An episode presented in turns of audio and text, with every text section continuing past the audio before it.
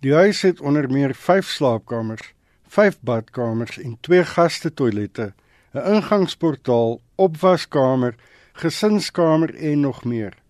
Die burgemeester, Solem Simanga, sê meer as 50 arm gesinne kan voordeel uit die transaksie put. Well, this property here has been sitting here for a number of years without being used.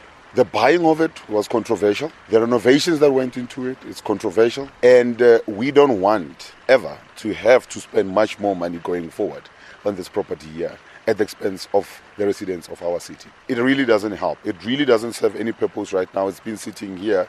I've never even, you know, had a meeting or slept here even once. I'm told that the, you know, my predecessor also never stayed here. Maar die ANC ontken dat die eiendom in omstredenheid gehul is.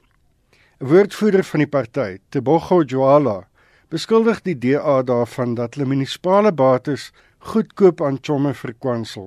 We have just now learned that um, the auction is taking place and we have sent some of our people there. And it's just a shame of an auction. It's just guys to stifle and stifle out the strategic assets of the city. I mean, this is the house which housed the many mayors. When we took over in 1994, it is a house which, has, which was always there for many decades. And uh, strategically, ANC led government have been using it to host the events.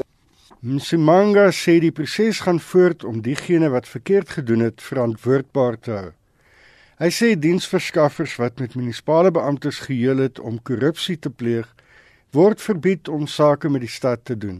Well, the thing is, since we've taken over, we've ensured that those that have found to be in the wrong as service providers are not used by the city anymore. In actual sense, we now have a policy where you are able to then blacklist um, companies that have uh, been involved in shady dealings with the with the city. So that's what we are able to do.